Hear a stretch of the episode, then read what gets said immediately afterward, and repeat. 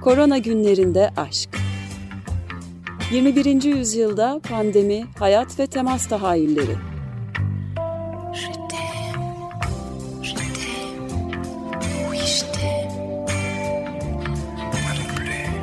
Hazırlayan ve sunanlar Ayşe Köse Badur ve Selim Badur. Je vais, je vais et je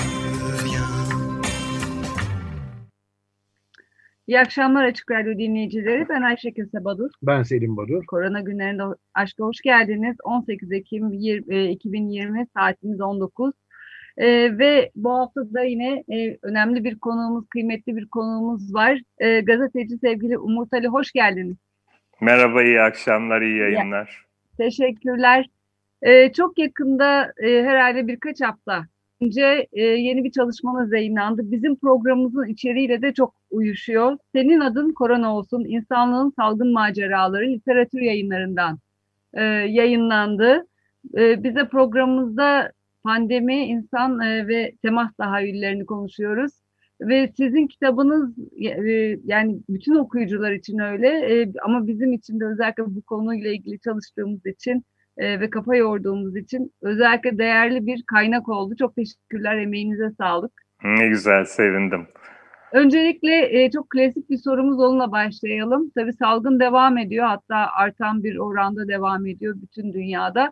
E, ama bir karantina sürecini Türkiye geride bıraktı. E, şimdilik bir, e, yeni bir tane öngörülmüyor gibi görünüyor. Siz nasıl karşıladınız? Salgınla karşılaşmak sizin için e, nasıl oldu? Hani ortaya çok kıymetli bir eser çıkmış ama e, zaten verimli evet. istemişsiniz ama yine de o karşılaşma anı, karantina günlerini sormak istiyoruz. Garip bir şekilde içimize doğmuş gibi biz eşimle Aralık ortasında birden ani bir kararla İzmir'e taşınmıştık. E, çok da severek yaşıyorduk. E, zaten o İzmirli. E, fakat işte Aralık ortası taşındık. Çin'de başlamıştı aslında ama Çin uzak geliyordu, herkese uzak geliyordu. Avrupa'ya da Amerika'ya da uzak geliyordu ki siz tabii çok iyi bilirsiniz ama e, biraz bu konularda bilgili olanlar e, salgın konusunda mesafelerin hiç de öyle e, uzak olmadığını, hı hı. E, geçmişte uçakların yahut iletişimin bu kadar seyahatin olmadığı devirde bile çok hızlı e, ulaşabildiğini virüslerin yahut başka salgınların. Bunu bilenler bekliyordu zaten ama bilmeyen bizler diyelim sıradan insanlar, faniler hani bunu hala uzak görüyorduk. Nitekim çocuklarımız, kızlarımız geldi yurt dışından. Ee, onları maskeyle yolladık ama henüz Avrupa'da ve Kuzey Amerika'da yoktu. Ee, hemen arkasından da çok hızlı işte bu kapanma süreci geldi. Kapanmakta bizim kendi adımıza pek bir şeyimiz, zorluğumuz olmadı. Yani buna yatkın bir hayat sürüyoruz bir süredir mesleki olarak uzak kaldığımız için zaten hani hafif tecrit, hafif mesafeli, hafif uzak. Ama ne olacağını hemen hissetmeye başladık. Çünkü benim de bu konuda bu kadar bilgim yoktu açıkçası. Bu kitap ve öncesinde bu hikayelere çalışana kadar ama 96-97'de sanıyorum Milliyet'teyken bu Laurie Garrett'ın kitabını almıştım. The Coming Black. E, yurt dışındayken yani aldığım kitaplar genellikle medya üstüne kitaplardı ama böyle değişik olanlar arasında o vardı. Okumuştum ve çok etkilemişti beni. Hatta birkaç makale yapmıştım. Ee, o kitabı getirmemişim yanımda İzmir'e çünkü kitapların çoğu İstanbul'daydı ama buldum yani bütün sayfalarını. Oradan tekrar baktım. Tabii literatür o kadar zenginleşmiş ki o arada yani başkaları da yazmış. İspanyol gribi üstüne bir literatür oluşmuş. Onları okumaya başladım. İlgi çekti ama ne yapacağım yani bir yerde yazmıyorum, etmiyorum. Onun üstüne daha önce kendi fotoğraflarımı kullanarak sosyal medyada onların altına hikaye yazıyordum. Yani fiktif şeyler yazıyordum. Ee, bu başlayınca biraz böyle bu korona ile ilgili yazmaya başlarken Kübalı doktorlar İtalya'ya gidince e, ilk biliyorsunuz Milano'ya bir Kübalı sağlık heyeti gitti. Böyle birden sanki bir ampul yandı bende. Yani buradan nereye gidebilirim diye. Bu sefer İtalya'dan Küba'ya kim gitti ile başladı bütün bu kitap aslında. Americo Vespucci, ondan sonra onların işte malum e, götürdükleri salgınlar. E, peki oradan Çey'nin fotoğrafı, Çey'nin fotoğrafını çeken Korda, Korda'nın Feltrinelli'ye vermesi, Feltrinelli'nin bir Milanoğlu zengin yayıncı, sosyalist ve aynı zamanda örgüt, kendi örgütünün lideri olup bir de parçalanarak ölmesi falan. Bütün bu hikayeler yani bir insandan yahut bir olaydan yola çıkarak bir yerlere varırım diye küçük küçük bunları yazmaya, arada biraz büyütmeye başladım. Sosyal medyada böyle tabii kitlesel demeyeyim ama yine de bunun takipçileri oluştu. Beklemeye başladılar ertesi gün. Her gün sıfırdan başladım. Yani o, o akşam ne çıkacağını ben de bilmiyordum. Sabah bir ipin ucunu çekerek başlıyordum. Akşamüstü 5 gibi işte o nereye varmışsam onu yayınlıyordum. Sonra Fahri Aral gördü bunları ama o ara bir sürü insan kitap yap, kitap yap diyordu. Fahri Aral görünce ya bunu hızla kitap yapalım dedi. Kitap o sosyal medyadakiler birebir değil. Genişlettim, yeni öyküler ekledim, büyüttüm ama temel olarak orada filizlendi yani. Dolayısıyla ama bunu çok verimli çalışırken aynı zamanda endişeleri olan her insan gibi söylüyorum. Yani bir kendimiz için endişemiz vardı tabii. Çocuklar uzakta onlar için, sonra yakınlar, tanımadıklar.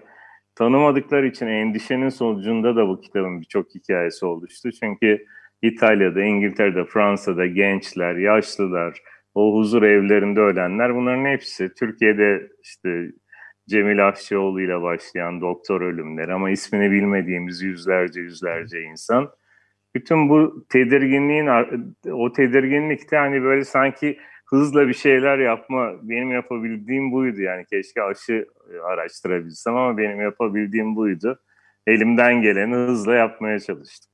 Elinize sağlık. Bu e, kitabınızda 45 bölüm var. 45 ayrı e, bölüm. Ama her bölümün içinde o kadar fazla e, bölüm var ki çok zengin bir araştırmanın e, ürünü olduğu belli oluyor. Gerçekten sizinle programdan önce de bir süre konuşabildik. Hani özellikle Avrupa'da Covid ile ilgili elbette Amerika Birleşik Devletleri'nde ve dünyanın diğer yerlerinde de birçok kitap çıkıyor. Ama e, işte ekonomik açıdan ya da felsefi açıdan birazcık mikrobiyoloji açısından ele alan kitaplar bu gerçekten bir belge, e, bir araştırması olmuş ve çok da keyifli okuması. Gerçekten bu tekrarlamakta ara ara kitabın adını yarar var diye düşünüyorum. Senin adın korona olsun, insanlığın salgın maceraları, Murtalı'nın bu eseri literatür yayınlarından çıktı. Ee, yani dinleyicilerimize öneririm. Gerçekten çok keyifli okuması, çok keyifli ve çok şey öğreniyoruz. Ee, emeğinize sağlık Ayşe'nin de söylediği Çok gibi. teşekkürler, sağ olun. Şimdi bu e, eğer sizin için de uygunsa birkaç bizim için hepsi birbirinden ilginç öykülerin içinden ne yazık ki tamamına yer veremeyeceğiz ama bazılarını Tabii. birazcık konuşalım. ee, birinci tabii. öykünüz e, benim de aynı üniversitede, aynı fakültede çalıştığım ve ne yazık ki kaybettiğimiz Profesör Cemil Taşçıoğlu'nun öyküsüyle bitiyor. Aslında Şeyhülislam kararı ile Balkan Savaşı sırasındaki hastalanan yaralıların, hastalananların camilerde e, ağırlanmaları, karantina gibi camilerin kullanılması. Çok ilginç bir öykü bu. Hani ben bir, birdenbire gezi dönemindeki camiler kullanıldı diye Dolmabahçe'de çok olay olmuştu. Ee, hani hiç olmayacak gibi bir şey ama Şeyhülislam e, izni varmış galiba değil mi? Evet, şimdi Cemil Topuzlu, o da Türkiye'de tıbbın öncülerinden üstelik de birçok daldı. Yani ben esas tabii ki ismini biliyoruz işte Açık Hava Tiyatrosu'ndan işte Kadıköy yakasındaki birçok yerden ama e, esas şurada tanıştım. Onkoloji tarihine baktığımda tanıştım. Çünkü aynı zamanda Türkiye'de e, radyoloji ilk deneyenlerden, bunu e, bildiri haline getiren, tebliğ haline getirenlerden. Burada da baktığımda şunu gördüm. Yani bir kere ironik tabii, e, 100 yıl önce Cem Topuzlu hem önemli bir tıp insanı hem de e, belediye başkanı. iki kez belediye başkanı yani biri işgal sırasında olmak üzere bir de öncesi. Ve hakikaten acı bir şekilde de 100 yıl sonra salgında ölen ilk doktor da e, hocanız yahut arkadaşınız birlikte çalıştığınız. E, şimdi e, Cemil Topuzlu şehremini ve diyor ki yani çok salgın var, asker sefil dönüyor, karantina ihtiyacı var. Ve 1910'lardan bahsediyoruz. e, camileri diyor karantina merkezi olarak kullanmamız lazım diyor. Büyük camileri kastediyor tabii. Tabii çok karşı çıkılıyor. Fakat yine de o zamanın e, kabinesi Cemil Topuzlu'yu dinlemek istiyor. Kabinede Şeyhülislam da var. Anlatıyor neden buna ihtiyaç olduğunu. Askerler var, siviller var, e, mülteciler var, bir sürü insan var. Hani bugünkü ortamla karşılaştırılamayacak e, haller var yani. E, Şeyhülislam diyor ki ben fetva veririm, buna e, onay veririm diyor. Herhalde şansı Şeyhülislam kayınpederi. Belki muhtemelen e, aralarında öyle bir diyalog da var ama ilginç bir kişi Şeyhülislam'da. Çünkü Birinci Dünya Savaşı'na girilmesine de karşı çıkan, tavır koyan, bu yüzden sürgüne giden ve bir daha ülkesine dönemeyen birisi. E, aynı zamanda hem Şeyhülislam'ın torunu Cemil Topuzlu'nun ilk çocuğu işte bir hastalıktan kaybediyorlar. Böyle acılar da var ailenin içinde. E, hikaye buydu yani ve Ayasofya başta hani bugünlerde e, işte gündeme gelip tartışılan, ibadete açılan başta Ayasofya, Sultanahmet böyle bir takım önemli camiler karantina merkezi haline getiriliyor. Ona göre tedbirler alınıyor. Ama giderek diğer öykülerde var zaten. Osmanlı'da bir karantina kültürü var. Hakikaten var. Evet. Ee, çok önemli bir karantina kültürü var ve bunun internasyonel dayanışmayla, işbirlikleriyle hatta hiç gocunmadan yabancı pastörden e, özellikle yabancı bilim adamları getirerek onlarla burada çalışarak bütün düşünün bir de Osmanlı coğrafyasını öyle hani Edirne'den Kars'a değil yani bahsettiğimiz Balkanlardan Hicaz'a kadar bir coğrafya özellikle kolera Hicaz kaynaklı görülüyor hep. Hindistan, Hicaz, oradan Avrupa yani bütün hani küresel olmayan bir dünya anormal biçimde küresel yani şimdi küreselleşmiş değil. Salgın o kadar hızlı orada da gemilerle yahut kervanlarla ulaşıyor ki bir yerden bir yere askerlerle, savaşlarla. Dolayısıyla bu karantina o İstanbul'da camileri de kapsayan çok başarılı oluyor. Tabii çok benziyor yani yaşadığımız şeyler ama insanların çabaları benziyor. Tedbirlerin bazıları benziyor ama ortamlar hiç benzemiyor tabii. E, belediye başkanları ve belediyenin e, aldığı rol işte Balkan Savaşı sırasında birden bir başka öykünüze değinmek istiyorum atlayacağım. 1968-69 Hong Kong gribi. Aslında ülkemizde hep İspanyol gribinden bahsediliyor, göndermeler yapılıyor ama 1957'de ve 68-69'da çok iki önemli. önemli grip salgını var ki onlar da milyonlarca insanın ölümüne yol açtı. Evet. 68'de Lyon'da, Fransa'da e, Doktor Pierre de la Monica hastanede ölüleri taşımaya imkanımız, vaktimiz yok. Cesetleri bir odaya yığıyoruz, akşamleyin onları kaldırmak zorunda kalıyoruz, gömmek evet. zorunda Ve hastane Edward Heriot Hastanesi. Ama ilginçtir evet. bu hastaneye ismini veren kişi de 1918 İspanyol gribinde Lyon'un belediye başkanı değil mi? Evet. bir çok... öykü var. İlginç birisi. Şimdi bu öyküye biz nasıl geldik? Oradan da anlatayım. Bunun çıkış noktası bakın yani şimdi bu kitabın zaten özelliği o. Bilmiyorum herkes bu şekilde sever mi ama ben severek yaptım onu söyleyeyim. Ben de severek okudum onu Çok sağ olun. Yani biz Edward Erio'ya gelene kadar bu kitapta George Floyd'dan başla, başlıyoruz. Evet. Yani o hikayede 45'ten bir tanesi olan o öyküde. George Floyd'dan Fransa'daki bir ırkçılık kurbanına yani benzer bir polis kurbanına Adama Traore'ye geliyoruz. Ki ben Paris'te biraz görev yaptım. O zaman izliyordum Adama Traore için yapılan yürüyüşleri, ablasını. Sonra Adama Traore'nin kitabını yazan Fransa'nın işte genç sosyalist düşünürlerinden ama aynı zamanda soylu ailelerden, o aristokratlardan.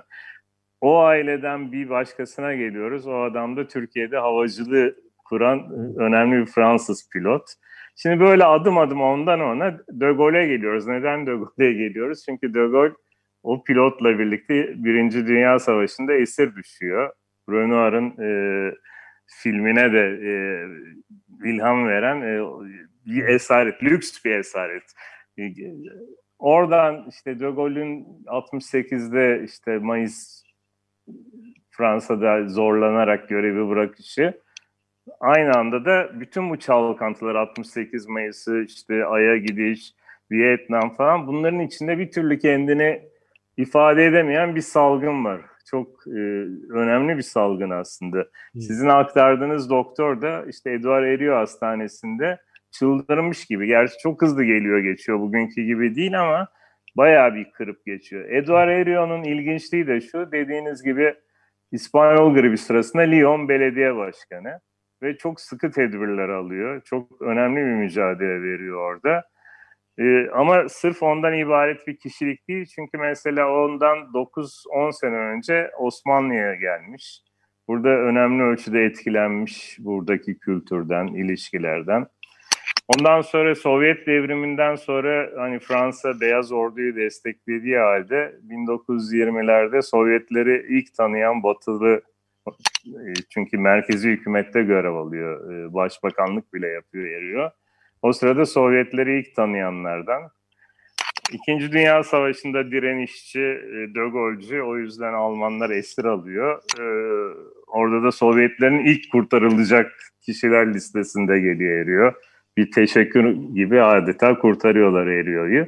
Ama arada bir 1930'larda işte bir Türkiye ziyareti daha var. Onda da Mustafa Kemal Atatürk'le görüşüyor. Buradaki olanlardan çok etkileniyor ve dönüşte Türkiye'yi, genç Türkiye'yi öven bir kitap yazıyor. Ve diyor ki bu Türkiye'nin modeli bizim e, ulaşmamız gereken eğitim modeli budur diyor. Yani İspanyol gribinin etrafında işte bugünkü salgının etrafında araya bu hikayeler giriyor. Ya bu örgü giriyor. Bu verdiğiniz, bahsettiğiniz son dakikalarda e, anlattığınız öykülerde olduğu gibi birbirine böyle halka şeklinde yayılan ve birbirleriyle ilintili çok hoş öyküleriniz var. E, ben e, biraz ilerleyip yine bir savaş sırasında olup biten e, bir e, öykünüzü dinlemek istiyorum. Çünkü o öykünün sonunda e, bahsedeceğim kasaba aslında Fransa'da e, ki Set kasabası ve Set'te e, biz bu program boyunca üç müzik arası veriyoruz. Onu bir müziğe bağlayacağım da onun için.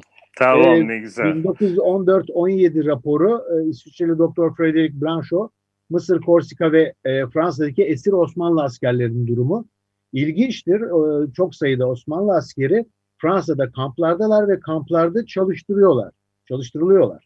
Ve e, evet. e, bunlardan salgın sırasında ya da belki e, e, kamp koşullarında vatan e, yaşamlarını yitirdiklerinde onlara işte Fransa için çalıştıkları için vatan için Fransa için ölenler diye yazılıyor galiba değil mi? Bir kısmına öyle yazılıyor. Bir kısmına kendi vatanı için öldüğünü ifade eden cümleler var. Ya burada ilginç olan şu, Frederic Blanchot e, Kızılaç adına bir rapor hazırlıyor. E, bu dediğiniz gibi Mısır, Korsika ve e, zaten Korsika'dakiler de daha sonra ana karaya Fransa'ya getiriliyor. Blanchot ziyaret ettiğinde onların çalıştığını, karşılığında çiftliklerde bir küçük bir maaş aldıklarını ki burada da Fransız ve İngiliz esirler var Anadolu'da da. Aynı benzer koşullar hemen hemen. Yani o uzun hikaye o kısmı ama burada da Diyor ki koşulları iyi, memnunlar diyor. İçlerinde Fransızca bilenler var diyor. Yahut Ankara'da, İstanbul'da görev yapmış Fransız subaylar var diyor. Onlar da tercümanlık yapıyor falan. Ama bunu dediğinde salgın yok. Rapor 1917 tarihli. Blanchot İsviçre'ye dönüyor. Derken salgın patlıyor. Carcassonne ve Set o civarlarda e, çok ölüm oluyor tabii bütün Avrupa'da olduğu gibi savaşın sonları bu askerlerden bir bölümü de ölüyor. Bir bölümün ölüm sebebi e, ben açıkçası ona dair bir kitap yahut makale bulmadım. Karkason'da gömülü olanlar biliniyor. Evet. Onların mezar taşları var ama bu hikayenin sonunda verdiğim listeyi Fransa'da mezarlık kayıtlarından oturduğum yerden tabii internet üstünden buldum. Onlar da çok net yazıyor mezarlık kayıtlarında. Yani oradan anlıyorsunuz ki İspanyol gribinden ölmüş, hastalıktan ölmüş hastalıktan evet. öldüğünü ifade ediyor. Ve kaderin garip cilvesi Blanchot İsviçre'de dağlarda İspanyol gribine karşı verdiği mücadeleyle o doktor madalyalar alıyor. Çünkü hmm. müthiş bir mücadele veriyor. Şimdi bu e, bahsettiğiniz öyküde e, yaşamını yitiren e, e, askerlerin bir kısmı sette gömülü. Evet, e, evet. Kadarıyla. Set aslında sizin de e, seveceğinizi düşündüğüm e, Brassens'in doğduğu ve sonra öldükten sonra da gömüldüğü yer. Onun için ilk parçamız George Brassens'ten hmm, gelsin. Hmm, ne, ne, böyle ne bir güzel. sürpriz yapalım dedik. Murir pour les idées. Dinliyoruz efendim. Harika. 95 FM Açık Radyo'dayız. Korona günlerinde aşk programı 18 Ekim 2020 ve konumuz Sayın Tavu kendisiyle e, kısa bir süre önce literatür yayınlarından çıkan Senin Adın Korona Olsun İnsanlığın Salgın Maceralarını bu güzel kitabı konuşuyoruz. Kendileri kabul ettiler, e, bize vakit ayırdılar sağ olsunlar ve Brassens'ten Murir Pullezide isimli parçayı dinledik. Evet, e, tabii Osmanlı'da, Osmanlı tarihi de e, salgınlardan azade değil. E, veba, kolera, e, savaş dönemlerinde de e, savaşlar kadar yıkım sağlayan, e, e, yıkıma neden olan salgınlar arasında. Ama ben biraz güncel, kitaptan güncel bir hikayeye değinmek istiyorum. O da Yüzbaşı Tom Moore'un hikayesi. E, onu bizimle paylaşırsanız çok etkileyici. Şimdi e, dünya bir de 100 yaşındakileri keşfetti bu korona sırasında. Evet. E, Türkiye'de çok böyle şeyler çıkmadı. Yani 100 yaşında halbuki bizde de insanlar var hala.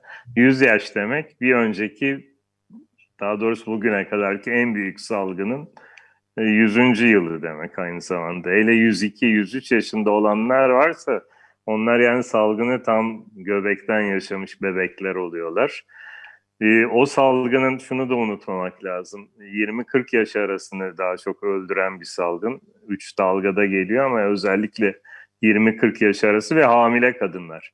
Yani oradan sağ çıkan, kurtulan bebekler, doğurabilen anneler de o günler için mucize. Aynı bir askerin savaştan sağa dönebilmesi gibi. Çünkü cephede ölenler var ama bir de cephe gerisinde salgından ölenler var. Ve kadınlar, çocuklar, gençler, işçiler, çalışanlar, siyahlar, kızılderililer Amerika'da, Hintliler çok sayıda Hindistan'da ve çok konuşulmasa, bilinmese de, de Osmanlı'da da var, esirler de var, mülteciler de var. Tom Moore da orada tanıştım Tom Moore'la bu yüzlük e, asırlık çınarlara bakarken ama Tom Moore pasif olarak durmadı. Tom Moore bir huzur evinde, eski bir subay. E, çok önemli bir savaştan sağ çıkmış uzak doğuda. Timsahların Japon askerleri yediği efsanesiyle anılan bir savaştan çıkmış e, Tomur gibi savaşa gitmiş birkaç kişinin öldüğünü gördüm. Yani savaştan kurtuluyorlar, gazdan kurtuluyorlar oradan ama koronadan kurtulamıyorlar. 97-100 yaş civarı insanlar. Ama Tomur ölmüyor. Tomur üstelik yürütge, e, yürüteçle anca yürüyebilen bir insan. Ve diyor ki ben bir kampanya başlatıyorum. Bu İngiltere'de de biliyorsunuz kötüydü birinci dalga dediğimiz şey.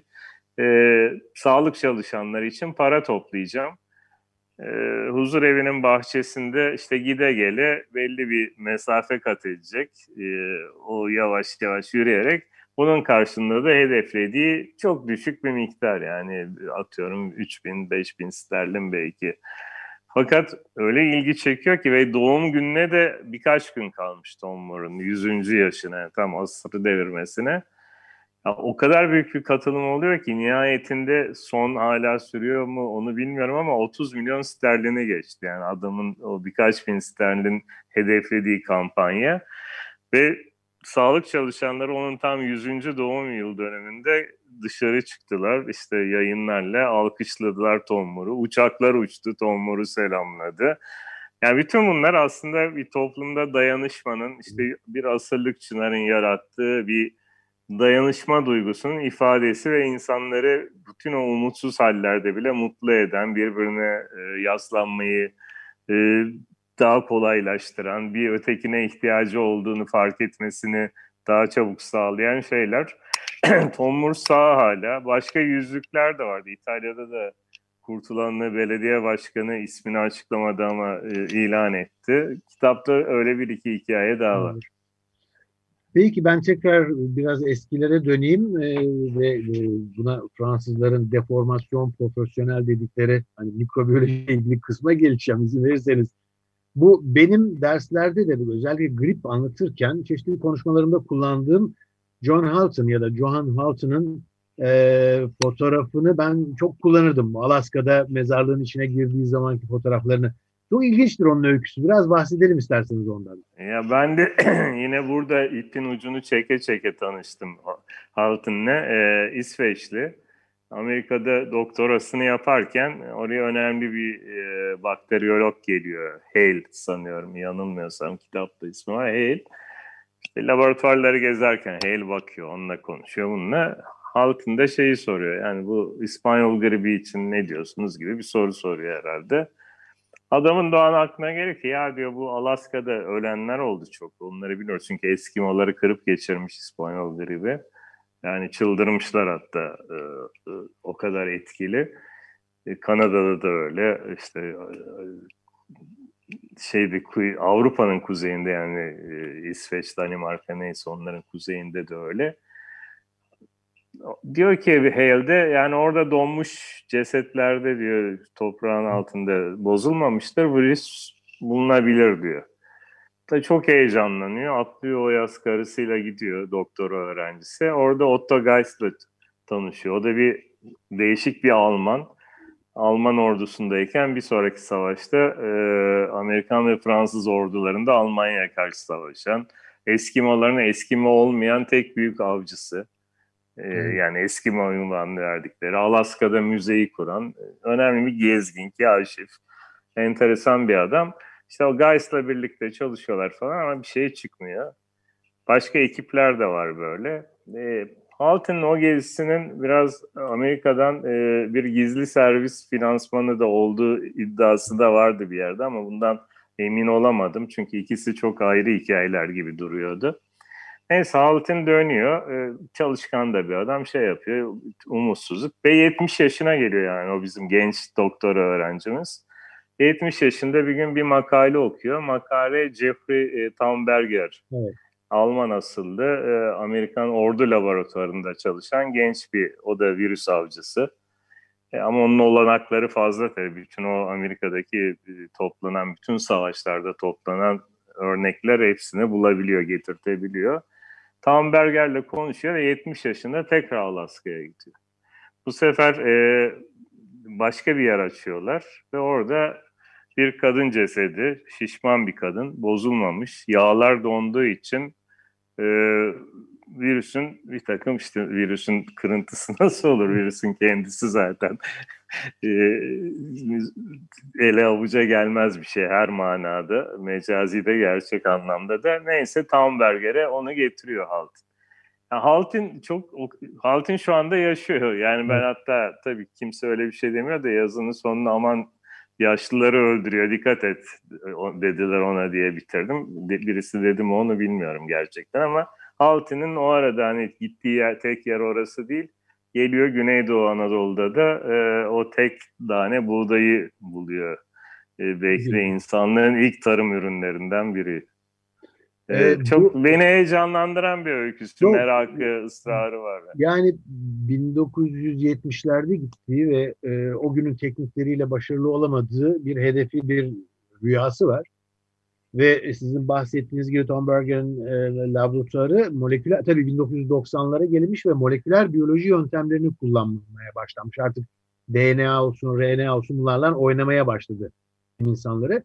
Aynı şekilde oraya gidiyor. Yine donmuş e, bir cesetin içinden doku alıyor ve bu kez moleküler biyoloji yöntemleriyle RNA'sını e, virüsün 1918 influenza virüsünün izole ettikten sonra onu incelemeye başlıyor. Onu canlandırıyorlar bir yerde. Evet, yani öğrenciler evet. bunu anlatırken e, olur mu öyle şey falan diyorlar. Ya Jurassic Park'ta DNA'dan dinozor üretti e, Spielberg de niye bana inanmıyorsunuz diyordu. Evet. evet yani o çok önemli bir öykü ve e, onun o tutkusu emekli olmuş 73-74 yaşında. Tabii, Dönüp tabii. hala o mezarın içine girer ve kendisi çizmeler üzerinde kazar. Siz de görmüşsünüz. Ee, evet, evet. E, eğer yanılmıyorsam bu araştırmalardan bir tanesinde de İspanyol gribinden ölen ve bugünkü Orta Doğu sınırlarını çizen Mark Sykes'ın mezarını açıyorlar. Hmm. Bu araştırma kapsamında ama istedikleri şeye sonuca e, ulaşamıyorlar ve sonra mezarı kapatıyorlar ama e, Mark Sykes'ı da buradan analım e, Orta Doğu haritası evet. Picot'ta çizen ve İspanyol gribinden Paris Barış Konferansı sırasında hayatını kaybediyor. Bu da John evet. Hamilton e, evet. öyküsüne bir tarihçi katkısı evet. oldu efendim. Evet, evet. Peki e, Ayşe seç seçebildiğini ne istiyorsun şimdi? E, ben tabii bir kadın hemşirelere e, burada çokça bahsetmişsiniz, vurgulamışsınız. Tabii hem e, Florence Nightingale gibi Türkiye'ye gelenler yine bir savaş döneminde, Kırım Savaşı sırasında gelenler. Bir de Türk hemşireler var e, değindiğiniz. E, bazıları da çok ilginç. Türkan Saylan'ın annesine kadar giden hikayeler var.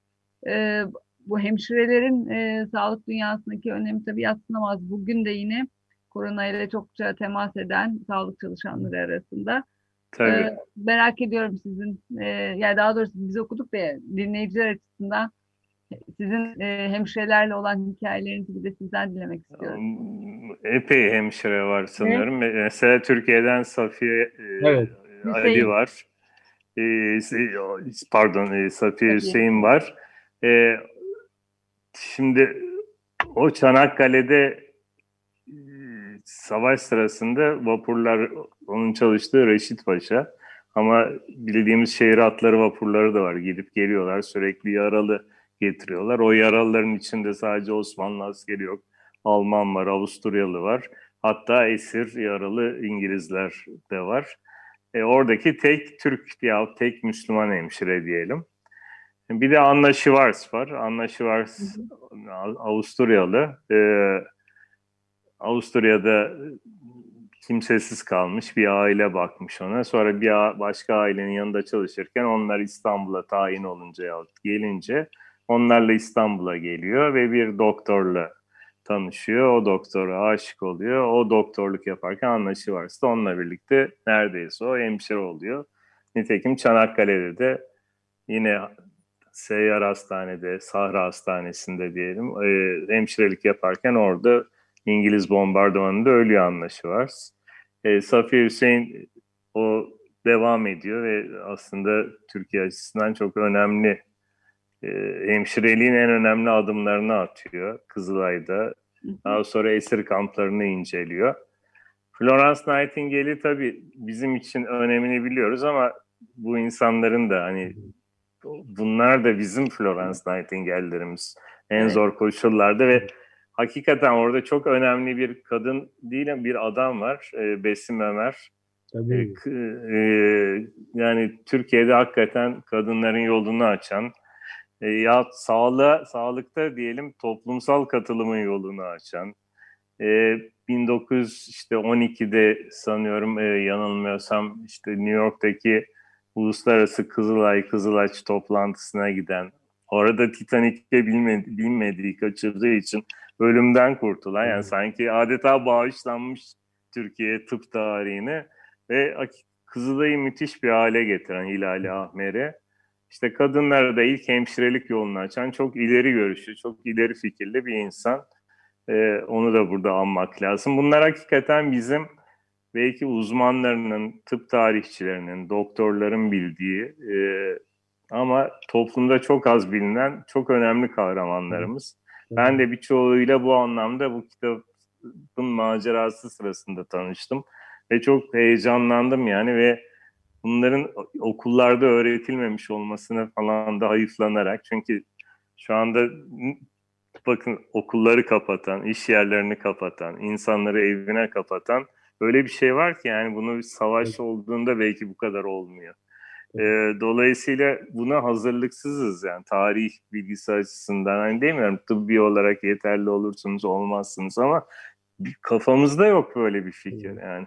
Halbuki ben doğduğum sene büyük bir salgın varmış ama hiçbir fikrim yoktu bununla ilgili. E, bir önemli hemşire de benim için dramatik bir hikayesi. Kanadalı e, bir hemşiremiz var. E, o da Etel. E, o da Kanada'dan gidiyor. Birinci Dünya Savaşı orada çalışıyor. İşte dönüyor. İspanyol gribi patlıyor bu sefer. Onunla uğraşırken İspanyol gribinden ölüyor. Ama bir hey şeyi var, anıtı var. Anlatabiliyor muyum? Yani o hemşirenin orada bir anıtı var. Yeni Zelanda'da Yeni Zelanda'nın ilk kadın doktoru İspanyol gribinden ölen bir anıtı var. Ve Yeni Zelanda işte dün de seçimleri evet. ezici çoğunlukla kazandı. Evet korona çağının en başarılı savaşçısı diyelim. Barışçı aslında da savaşçısı e, e Başbakan Arder. E, 2007'deki tatbikat o 1918-19 salgınında ölen ilk kadın doktorun adıyla yapılıyor tatbikat. Yani devamlılığı söylemek için e, bunları belirtiyorum.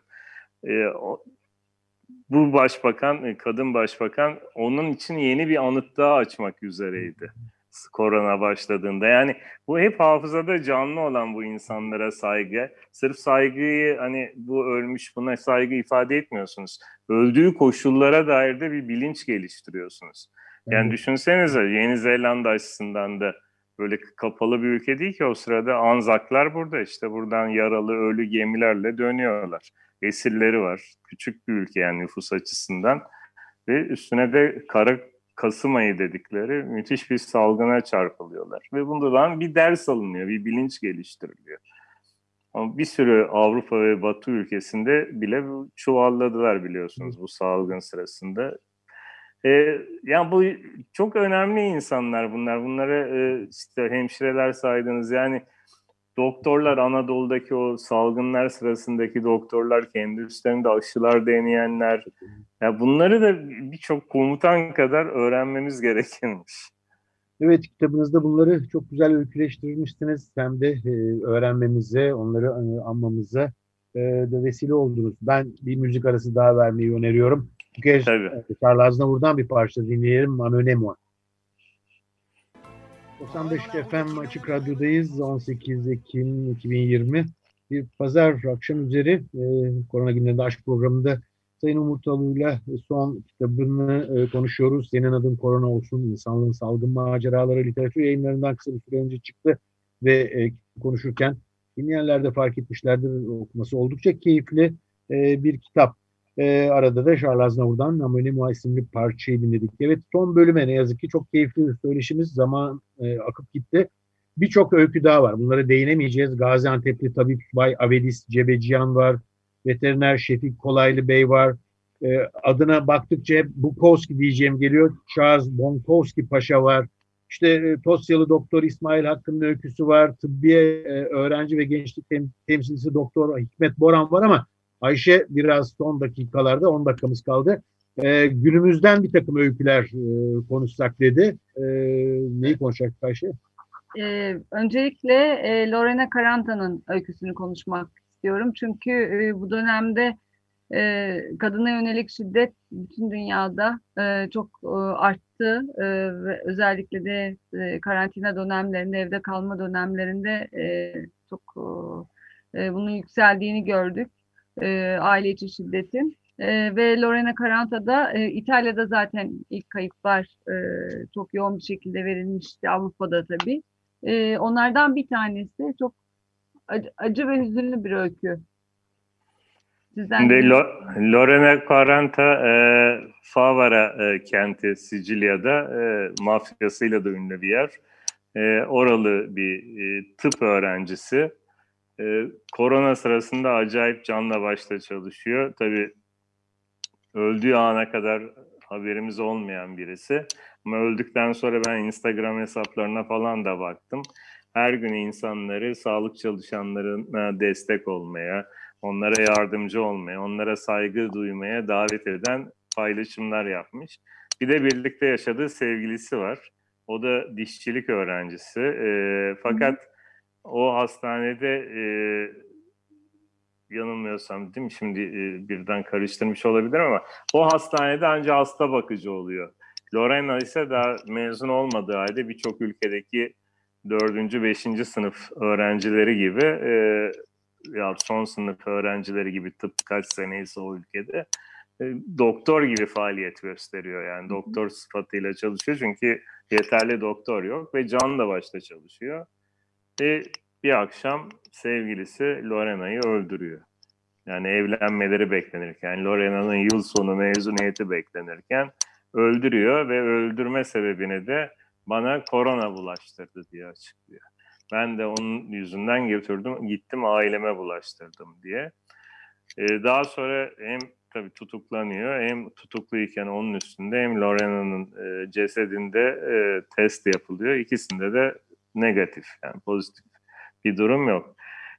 Hala çözülmüş değil yani gerçek dürtüsü ama muhtemelen şöyle bir şey. Çok korkuyor koronadan e, delikanlı, katil delikanlı diyelim. Hastaneye bile gitmemeye çalışıyor. Dolayısıyla Lorena'nın o canla başla çalışması belki Lorena onu suçladı. Bu kadar korktuğu ve kaçtığı için. E, o yüzden de e, bir komplekse kapılmıştır diye düşünenler de var. Lorenzo'nun cenazesi kalktığı sırada İtalyanlar cenazeye katılamıyor tabii. İşte bildiğimiz balkon alkışları. Ama aynı dönemde o kadar çok şiddet olayı var ki Türkiye'dekilerin bir kısmını biliyoruz. İspanya'da var, Fransa'da o telefon hatları durmadı. Yani hem kadınlar hem çocuklar. Çocuklar için de hatlar evet. vardı.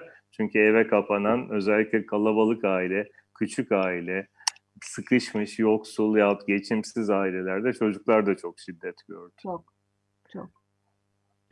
Ee, bir de bir 19 yaşındaki Luca var ee, İngiltere'den yine yaşamını yitiren. Ee, onun evet. Yani Luca var 13 yaşında e, bir çocuk var. E, yani hani bunlar öldüğü sırada biz koronadan sadece yaşlıların öldüğünü düşünüyorduk. Evet. E, ya da hastalığı olan mesela futbolcu gençler vardı birkaç tane onların bir bölümünde hastalık vardı hakikaten ama Luka'da mesela bir şey saptanamamış yani bilinen bir hastalığı yoktu.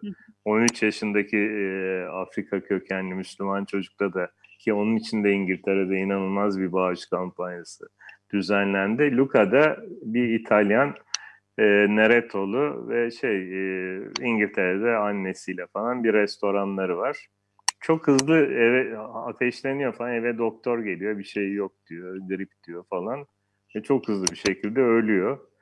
İşte Luca'dan ben kalkıp işte İtalya'da bu sefer bir gezinti yaptık bu kitaptaki hikayede.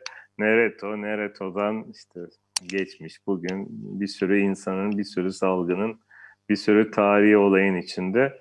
Epeyce de görmüşsünüzdür zaten casusluk hikayesi var kitapta. Evet. Agatha Christie'ler o bazı e, göndermeler çok hoş. Soliter ve solider ya da evet. işte e, Jeff Bezos'un Amazon'u ile Brezilya'daki yerlerin Amazon'u, e, oradaki yerlerin durumu evet. belki de ne yazık ki 7.49 oldu. Hani bir 6 dakika sonra programı bitireceğiz. Hani adı çok geçtiği için Doktor Anthony Fauci ve John Oxford onlara da bir selam gönderelim buradan. Yıllar önce bir viroloji kongresi için biz John Oxford'u Antalya'daki toplantımıza çağırmıştık. Gayet mütevazi bir şekilde geldi ve çok da güzel bir konuşma yapmıştı. Ben o John Hilton'un ilk öyküsünü ve o mezarların içindeki yaptığı araştırmalara ait slaytları John Oxford'dan almıştım. Onun slaytları Ya ne güzel, ne güzel. Evet, Bilseydim yani, size de sorardım o, o sırada. Sağ olun, sağ olun. Bundan sonra evet. konuşalım. Belki bir mikrobiyoloji ve enfeksiyon hastalığı tarihi bu e, şekilde ele hiç alınmamıştı daha kuru bir tarih oluyordu. Tabii Lady Montagu'nun öyküsüne değinmek mümkün. Evet, çiçek Çok aşısı şey meselesi. Yani John, Oxford'da ben şöyle tanıştım tabii sizler gibi o yoldan tanışmadım. Ben kim ölmüş İspanyol gribinden baktım. Bir tanesi Sykes. Evet. Yani bu arada padişahımız var falan onları unutmayalım. Yani Mondros'a da e, mütarekiye teslim eden e, veziri azam da İspanyol gribi ama o kurtuluyor. Yani Mustafa Kemal İspanyol gribine yakalanıyor. Yani kendi tarihimiz içinde de çok önemli bir yeri var İspanyol gribinin. Tarihi değiştiren, onu alıp onu padişah yapan, o kurtulduğu için e, Türkiye'nin yani geleceğin kaderini değiştiren bir şey. Oxford'da da Mark Sykes'ın mezarını yani ölmüş Sykes Paris'teyken Osmanlı'yı çizmiş, bölmüş, etmiş. Sykes-Picot anlaşması. Ondan sonra Paris konferansına katılırken Paris'te ölüyor ki o konferanstaki neredeyse bütün devlet başkanları yani başta Wilson, Wilson çıldırıyor nerede hastalıktan Amerikan başkanı, Amerika başkanı. E, Frans Clemenceau hastalanıyor, şey hasta geliyor zaten Lloyd George e, atlatmış geliyor. Yani e, Kaiser daha so- e, o arada İspanyol gribini atlatıyor. E, Mark Sykes'ın mezarı açılmış. Yani onun peşinden giderken ne için açılmış Sykes'ın mezarı? Çok korunaklı bir mezar. Oxford orada virüs aramış. Nasıl Haltin Alaska'da aradıysa o da İspanyol gribinden ölen ve mezarı korunaklı olan özel bir alaşımla kaplıymış. Bulamamış. Ama Oxford yani Oxford'u takip ettiğimizde koronaya kadar geldik ve ben Oxford'un her gün neredeyse gün aşırı yayınladığı raporları da okudum. Ee, korona sırasında düzenli rapor yazdı Oxford ve Mart ayında bile bunun bitmeyeceğini söyleyenlerden biriydi o da. Yani öyle yaz gelecek, sıcak gelecek, biz eğleneceğiz, düğünler yapılacak, sünnetler olacak, geçecek öyle bir şeyin olamayacağını söylemişti. Oxford. E, Fauci'yi de yeni tanıdık. Ama evet. aslında adam 80 yaşında belki de onu da geçti ve Reagan'dan beri bu işi yapıyor. Kendi AIDS'le mücadelede ilk olan ama aynı zamanda çok tepki alan da o sıradaki bir takım uygulamalarla bir kesimden tepki alan. O da bir İtalyan aslında yani evet. üçüncü kuşak Sicilyalı ve Napolili bir ailenin çocuğu. Evet. Evet ne yazık ki e, süremizin sonuna geldik. Aslında e, daha bahsetmeniz birçok e, kişi var. E, kitabı edinenler bu keyifli sohbetten esinlenip e, kitabı alırlarsa eğer edinirlerse öğrenecekler. Ben mesela Fransız Komünist Partisi'nin o e, bana kalırsa efsanevi başkanı George Marches'in eşi Lilian Marches koronavirüs nedeniyle yaşamını yitirdiğini ben bilmiyordum. Onu kitabınızdan öğrendim. Yine e, komünist felsefeci Lucien Sev e, gibi e, birçok evet. ünlü var. Ama kitabınızdaki son öyküye değinerek müsaadenizle bitireyim. Ben bu koronavirüsle ilgili bazı webinarlarda konuşma yaparken ilk slide hani başlığı gösteriyorum. İkinci slaytım hep June Almeida ile başlarım. Ee, sizin kitabınız da onunla bitiyor. O çok evet. ilginç öyküsü olan bir e, bir laboratuvar teknisyeni ve elektron mikros mikroskobisinde virüs fotoğraflarını çekmede geliştirdiği teknikler var. Çok önemli evet. bir ara Hindistan'a falan da gidiyor. Siz de e, muhakkak incelemişsinizdir. E, evet, çok dolaşıyor, çok dolaşıyor. Çok dolaşıyor. Ama neden Jun Almeida? Çünkü koronavirüsleri mikroskopta, elektron mikroskopinde ilk kez gösterip adını da veren bir insan. O nedenle o evet. buradan... Ya bir, e, bir de neden Almeida demek lazım. E, Jun e, liseyi evet. zorlafen diplomasını veriyorlar ama mikroskopları ayıran birisi. Evet. Kanada'ya gittiğinde de en iyi mikroskopları evet. veriyorlar. Kocası Latin Amerikalı olduğu için soyadı Almeida ayrılsalar bile biz onu Jun Almeida diye biliyoruz. Evet. Ve 60'larda rica edildiğinde o mikroskoptan nasıl bakıldığını bilip işte bunun adı korona olsun diyen kişi. Evet. Peki programımızda e, Almeida'ya buradan bir merhaba diyerek, bir selam evet. vererek bitirmiş olduk. Evet. Sizin için son parçayı Brigitte Fontaine'den seçtik. Ya de Zazu evet. isimli parçayı seslendirecek. Efendim vakit ayırdınız. Çok keyifli bir söyleşiydi. Ben, ben, ben de çok kitabınızı bizden paylaştınız. Ben de mutlu Sağ oldum. İyilerim herkese iyilikler olsun. Ee, acılar her türlü acı bitsin. Çok teşekkürler efendim. Sağ olun vakit ayırdığınız için. Efendim programın sonuna geldik. Hepinize iyi haftalar. Size tekrar Umurtalı'nın Senin Adın Korona Olsun İnsanlığın Salgın Maceraları literatür yayınlarından çıkan kitabı tekrar öneririz, hararetle öneririz. Gerçekten bugünlerde okunması gereken bir yapıt olarak tanıtmış olalım ve e, sizlere veda edelim. Hoşçakalın. İyi akşamlar. Tekrar teşekkürler. İyi akşamlar. İyi haftalar diliyoruz. Sağ olun efendim. Sizlere de, sizler. Tüm Açık Radyo dinleyicilerine ve sizi Brigitte Fontaine'le baş başa bırakıyoruz. Hoşçakalın. Korona günlerinde aşk. 21. yüzyılda pandemi, hayat ve temas tahayyülleri.